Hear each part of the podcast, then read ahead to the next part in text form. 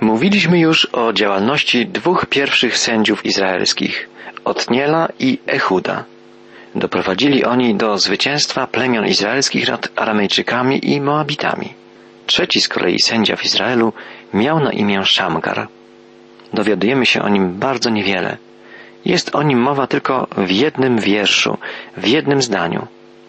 W ostatnim wersecie trzeciego rozdziału czytamy Po Echudzie sędzią był Szamgar, syn Anata, który pobił ościeniem na woły Filistynów w liczbie sześciuset ludzi. I on także wybawił Izraela.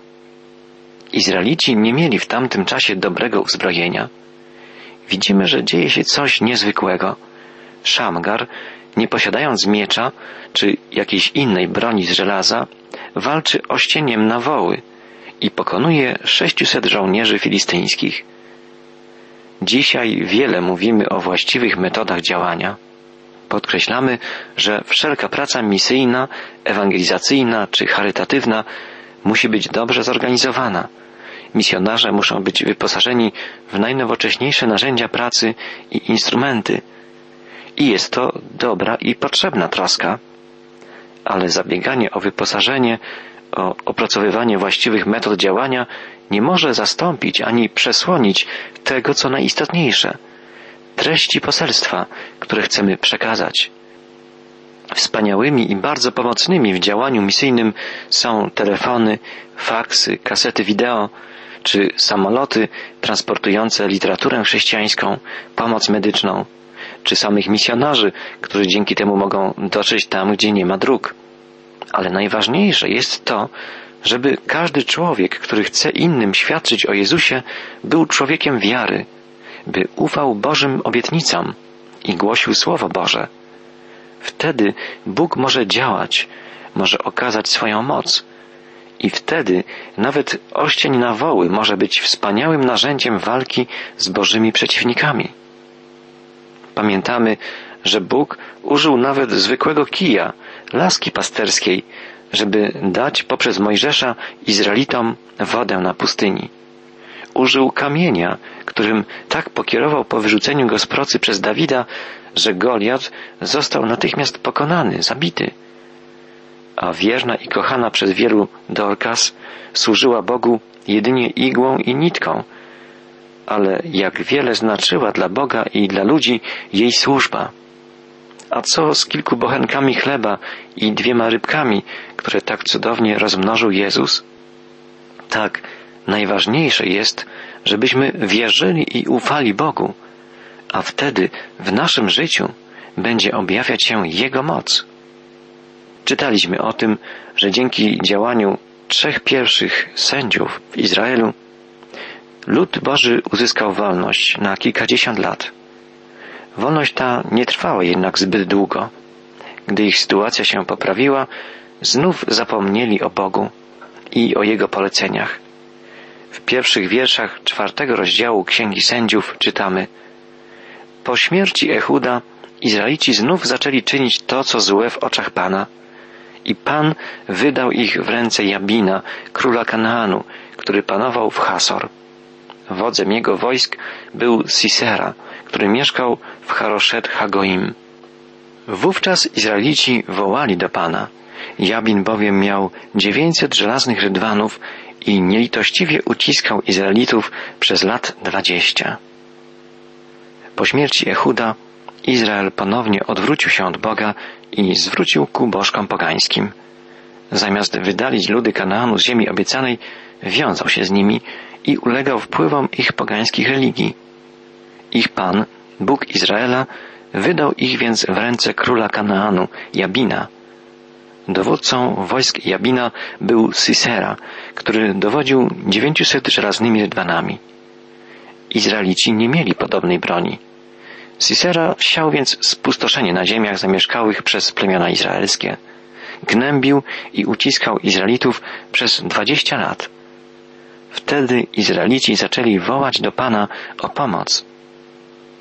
W czwartym i piątym wierszu czwartego rozdziału Księgi Sędziów czytamy W tym czasie sprawowała sądy nad Izraelem Debora, prorokini żona Lapidota. Zasiadała ona pod palmą Debory między Rama i Betel w górach Efraima, dokąd przybywali Izraelici, by rozsądzać swoje sprawy. Debora to niezwykła postać. Jest opisana zarówno jako prorokini, jak i jako sędzia. Widzimy, że ma ona niekwestionowany autorytet, jako wybrana i ustanowiona przez Boga duchowa przywódczyni Izraela. Debora wzywa wojownika o imieniu Barak i poleca mu zorganizować izraelskie oddziały, które mogłyby stanąć do walki z wojskami Jabina. Czytamy, posłała ona po Baraka, syna Abinoama z Kedesz w pokoleniu Neftalego. Oto rzekła mu, co nakazał Pan, Bóg Izraela.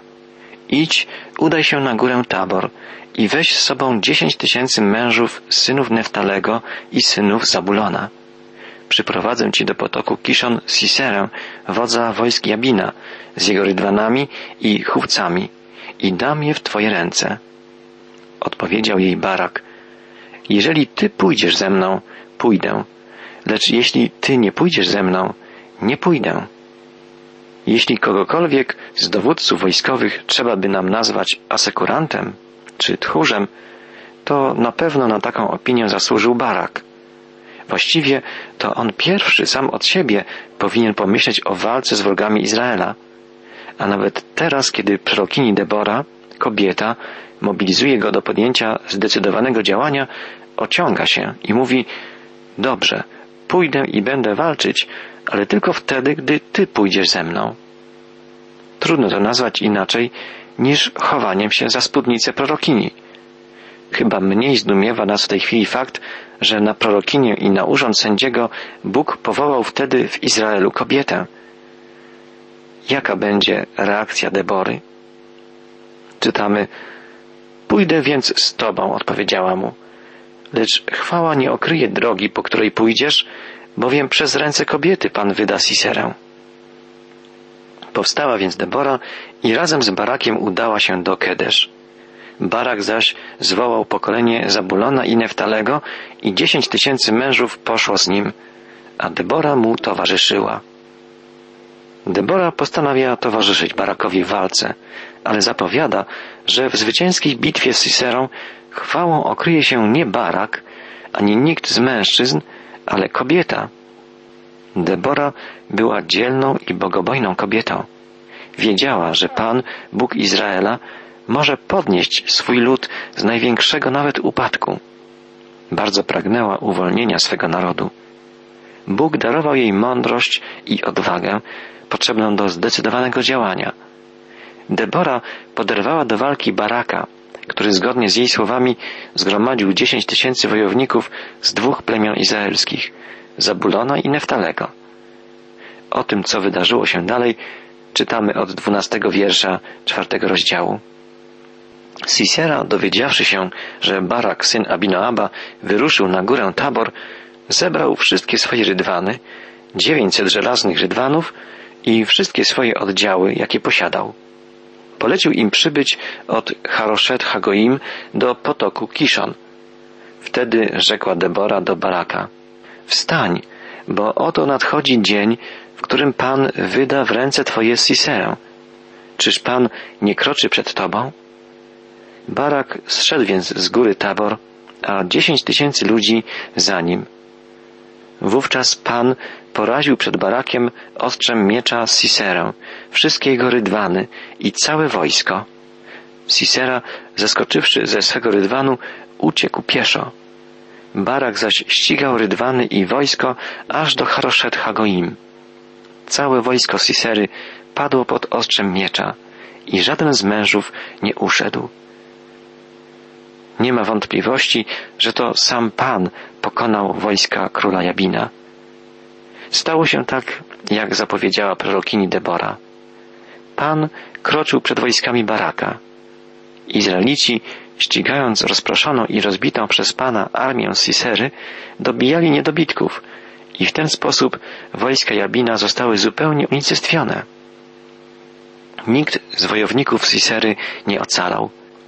Sam Sisera, widząc, że jego armia poniosła całkowitą klęskę, próbował uratować swoje własne życie. Sisera uciekał pieszo w kierunku namiotu Jaeli, żony Hebera Kenity, ponieważ pomiędzy Jabinem, królem Hasor, a domem Hebera Kenity panował pokój. Kananejczycy żyli w pokoju z Kenitami i Siserze, dowódcy wojsk króla Jabina, wydawało się, że będzie mógł się wśród Kenitów ukryć i że będzie tam względnie bezpieczny. Kenici byli jednym z ludów pogańskich zamieszkujących Kanaan. Do tego szczepu należała Jael, żona Hebera. Jael, wychodząc naprzeciw Sisery, rzekła do niego Zatrzymaj się, panie, zatrzymaj się u mnie, nie bój się niczego. Zatrzymał się więc u niej pod namiotem, a ona nakryła go kocem. Potem rzekł do niej Daj mi, proszę cię, napić się trochę wody, gdyż mam pragnienie. Ona otwarła bukłak z mlekiem, dała mu się napić i nakryła go na powrót. Czuwaj przy wejściu do namiotu, rzekł jej, a gdyby ktoś nadszedł i zapytał, mówiąc, jest tu kto? Odpowiedz, nie ma. Lecz Jael, żona Hebera, wzięła palik od namiotu, uchwyciła młot w rękę i zbliżając się cicho do niego, przebiła jego skroń palikiem, tak, że ten utkwił w ziemi. Sisera spał bowiem głęboko, wyczerpany do ostatka. W ten sposób zginął. Tymczasem nadszedł Barak, ścigając Siserę. Jael wyszła naprzeciw niego. Wejdź, rzekła do niego, a pokażę ci człowieka, którego szukasz. Wstąpił do niej, a oto Sisera leżał martwy z palikiem w skroni. Sisera, wódz armii dysponującej dziewięciuset żelaznymi rydwanami, zginął z ręki kobiety, która przebiła jego skroń drewnianym palikiem od namiotu. Sisera budował swoje poczucie siły na fakcie posiadania dobrego uzbrojenia, żelaznych rydwanów, w tamtym czasie spełniających taką rolę, jak podczas II wojny światowej, na przykład czołgi. Zginął z ręki kobiety, która uszyła jako broni drewnianego palika. Jeszcze raz znajdziemy potwierdzenie tej prawdy, że nie broń, nie wyposażenie, którym dysponujemy, decyduje o naszym powodzeniu, ale to, czy żyjemy z Bogiem, czy mu ufamy, czy wierzymy w Jego obietnice. Pomyślmy, potężna armia wrogów Izraela została unicestwiona dlatego, że Debora, dzielna i bogobojna kobieta, zaufała Bogu i dając przykład wiary w Boże obietnice, pociągnęła za sobą swój lud. I lud ten odzyskał wolność. W dwóch końcowych wierszach czwartego rozdziału Księgi Sędziów czytamy Tak Bóg w tym dniu uniżył przed Izraelitami Jabina, króla Kanaanu. Ręka zaś Izraelitów uciskała coraz mocniej Jabina, króla Kanaanu, aż do całkowitej jego zagłady. W czwartym rozdziale Księgi Sędziów znaleźliśmy więc opowieść o zwycięstwie dwóch plemion izraelskich, Zabulona i Neftalego, nad wojskami króla Kanaanu Jabina, dowodzonymi przez Siserę. Było to jedyne jaśniejsze światło w tamtych ciemnych i trudnych dniach historii Izraela. Zwycięstwo Debory i Baraka miało miejsce w północnej części Izraela. Pozostałe plemiona cierpiały jednak ucisk i niedolę. Debora i Barak mieli jednak powody do radości. Bóg darował im zwycięstwo nad jedną z najsilniejszych, najlepiej uzbrojonych wrogich armii. Wyrażają więc Bogu swoją wdzięczność. W początkowych wierszach rozdziału piątego czytamy Dnia tego Debora i Barak, syn Abinoama, śpiewali hymn w słowach Skoro wodzowie w Izraelu stanęli na czele, a lud dobrowolnie się ofiarował do walki, błogosławcie Pana. Słuchajcie, królowie, nastawcie uszu, władcy. Dla Pana będę śpiewała, będę opiewać Pana, Boga Izraela. Panie, gdyś Ty wychodził z Sejru, gdyś z pól Edomu wyruszał, ziemia wtedy drżała, kropiły niebiosa, chmury kropiły wodą, góry dżdżem ociekały przed obliczem Pana. To Synaj, przed obliczem Pana, Boga Izraela. Debora śpiewa piękny, poetycki hymn chwalący Boga. Podkreśla, że śpiewa dla Pana, Boga Izraela. To, że stanęła na czele swojego narodu, nie było jej wyborem, jej decyzją. Została wybrana przez Boga, powołana przez Niego i zgodnie z Jego powołaniem wypełnia swoje zadania. Debora jest wśród sędziów Izraela postacią wyróżniającą się głęboką, żarliwą wiarą. Jest mądra, zdecydowana i posiada wiele zdolności. Przerasta pod każdym względem od Chniela, Echuda czy Szamgara, których do tej pory poznaliśmy. To ona musi mobilizować do walki Baraka i zapewniać go o zwycięstwie nad Jabinem, królem Kanaanu. Jako prorokini ufa Bożym obietnicom i jest pewna, że Bóg chce darować swemu ludowi ziemię, którą mu obiecał. Debora nie jest jedyną kobietą, którą Bóg wybrał do wypełnienia szczególnego zadania. Na kartach Biblii znajdujemy wiele wspaniałych postaci kobiet, które mogą być przykładem wiary, odwagi, posłuszeństwa względem Bożej woli. Już wkrótce, gdy będziemy studiować kolejne księgi Starego Testamentu, poznamy takie postaci kobiet jak Ruth czy Estera. Pamiętamy też, jak ważne zadania wypełniały kobiety w czasie, kiedy po ziemi chodził Jezus. Mówiliśmy już o tym, kiedy rozważaliśmy wspólnie treść Ewangelii. Również i dzisiaj, we współczesnym Kościele Jezusa Chrystusa, kobiety odgrywają ważną rolę. Mają wiele odpowiedzialnych zadań, są oddanymi modlicielkami, wychowują następne pokolenia chrześcijan, angażują się w wiele akcji diakonijnych, prowadzą grupy studium biblijnego, nauczają lekcji religii i pełnią wiele innych niezwykle ważnych funkcji. Wydaje się, że nie zdajemy sobie w pełni sprawy z ogromu zadań wykonywanych przez kobiety w Kościele i nie doceniamy ich roli w historii i we współczesności chrześcijaństwa. Kiedy mężczyźni zapominają o Bogu, kobiety nadal trwają przy nim. Kiedy mężczyźni są zbyt zajęci, żeby się modlić, kobiety modlą się wytrwale, mimo że często muszą pracować zawodowo na równi z mężczyznami i jeszcze niosą ciężar prowadzenia domu i wychowywania dzieci. Ktoś powiedział, że ręka, która porusza kołyską, porusza całym światem. Bogobojne, wytrwałe, troskliwe matki to największy skarb, jaki może posiadać naród.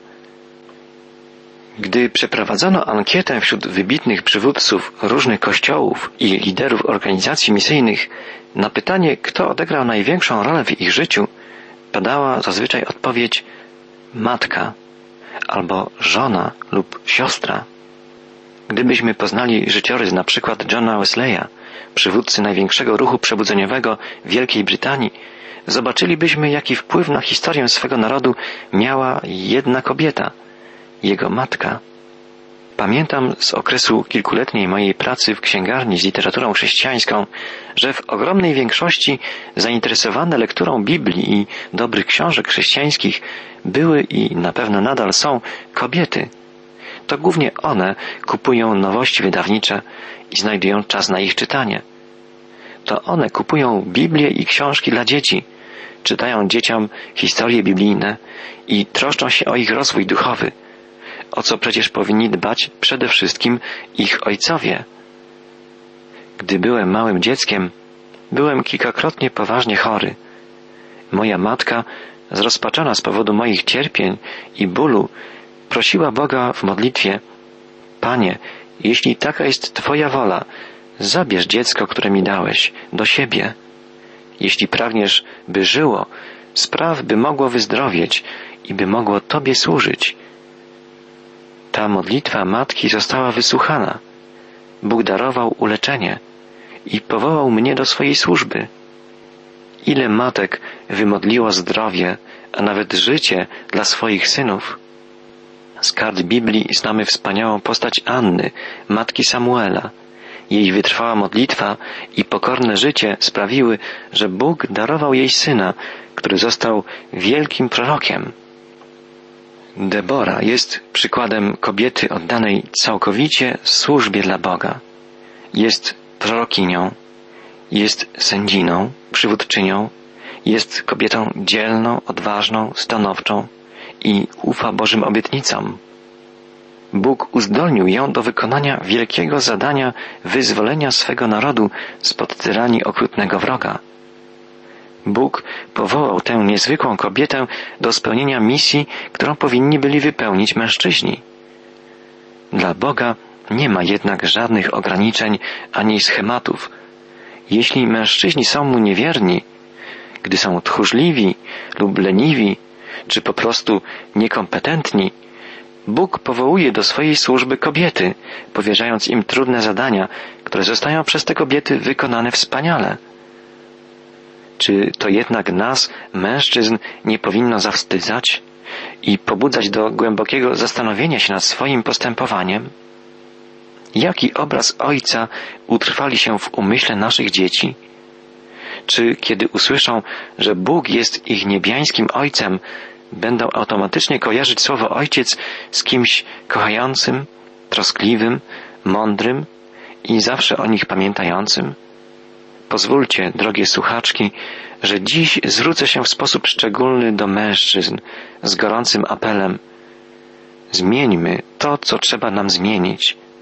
Bądźmy w naszych domach, dla naszych dzieci i dla naszych żon duchowymi przywódcami, kochającymi opiekunami, mądrymi i wytrwałymi przewodnikami. Bądźmy mężczyznami, ojcami i mężami takimi, jakimi chce nas mieć nasz Pan i Bóg.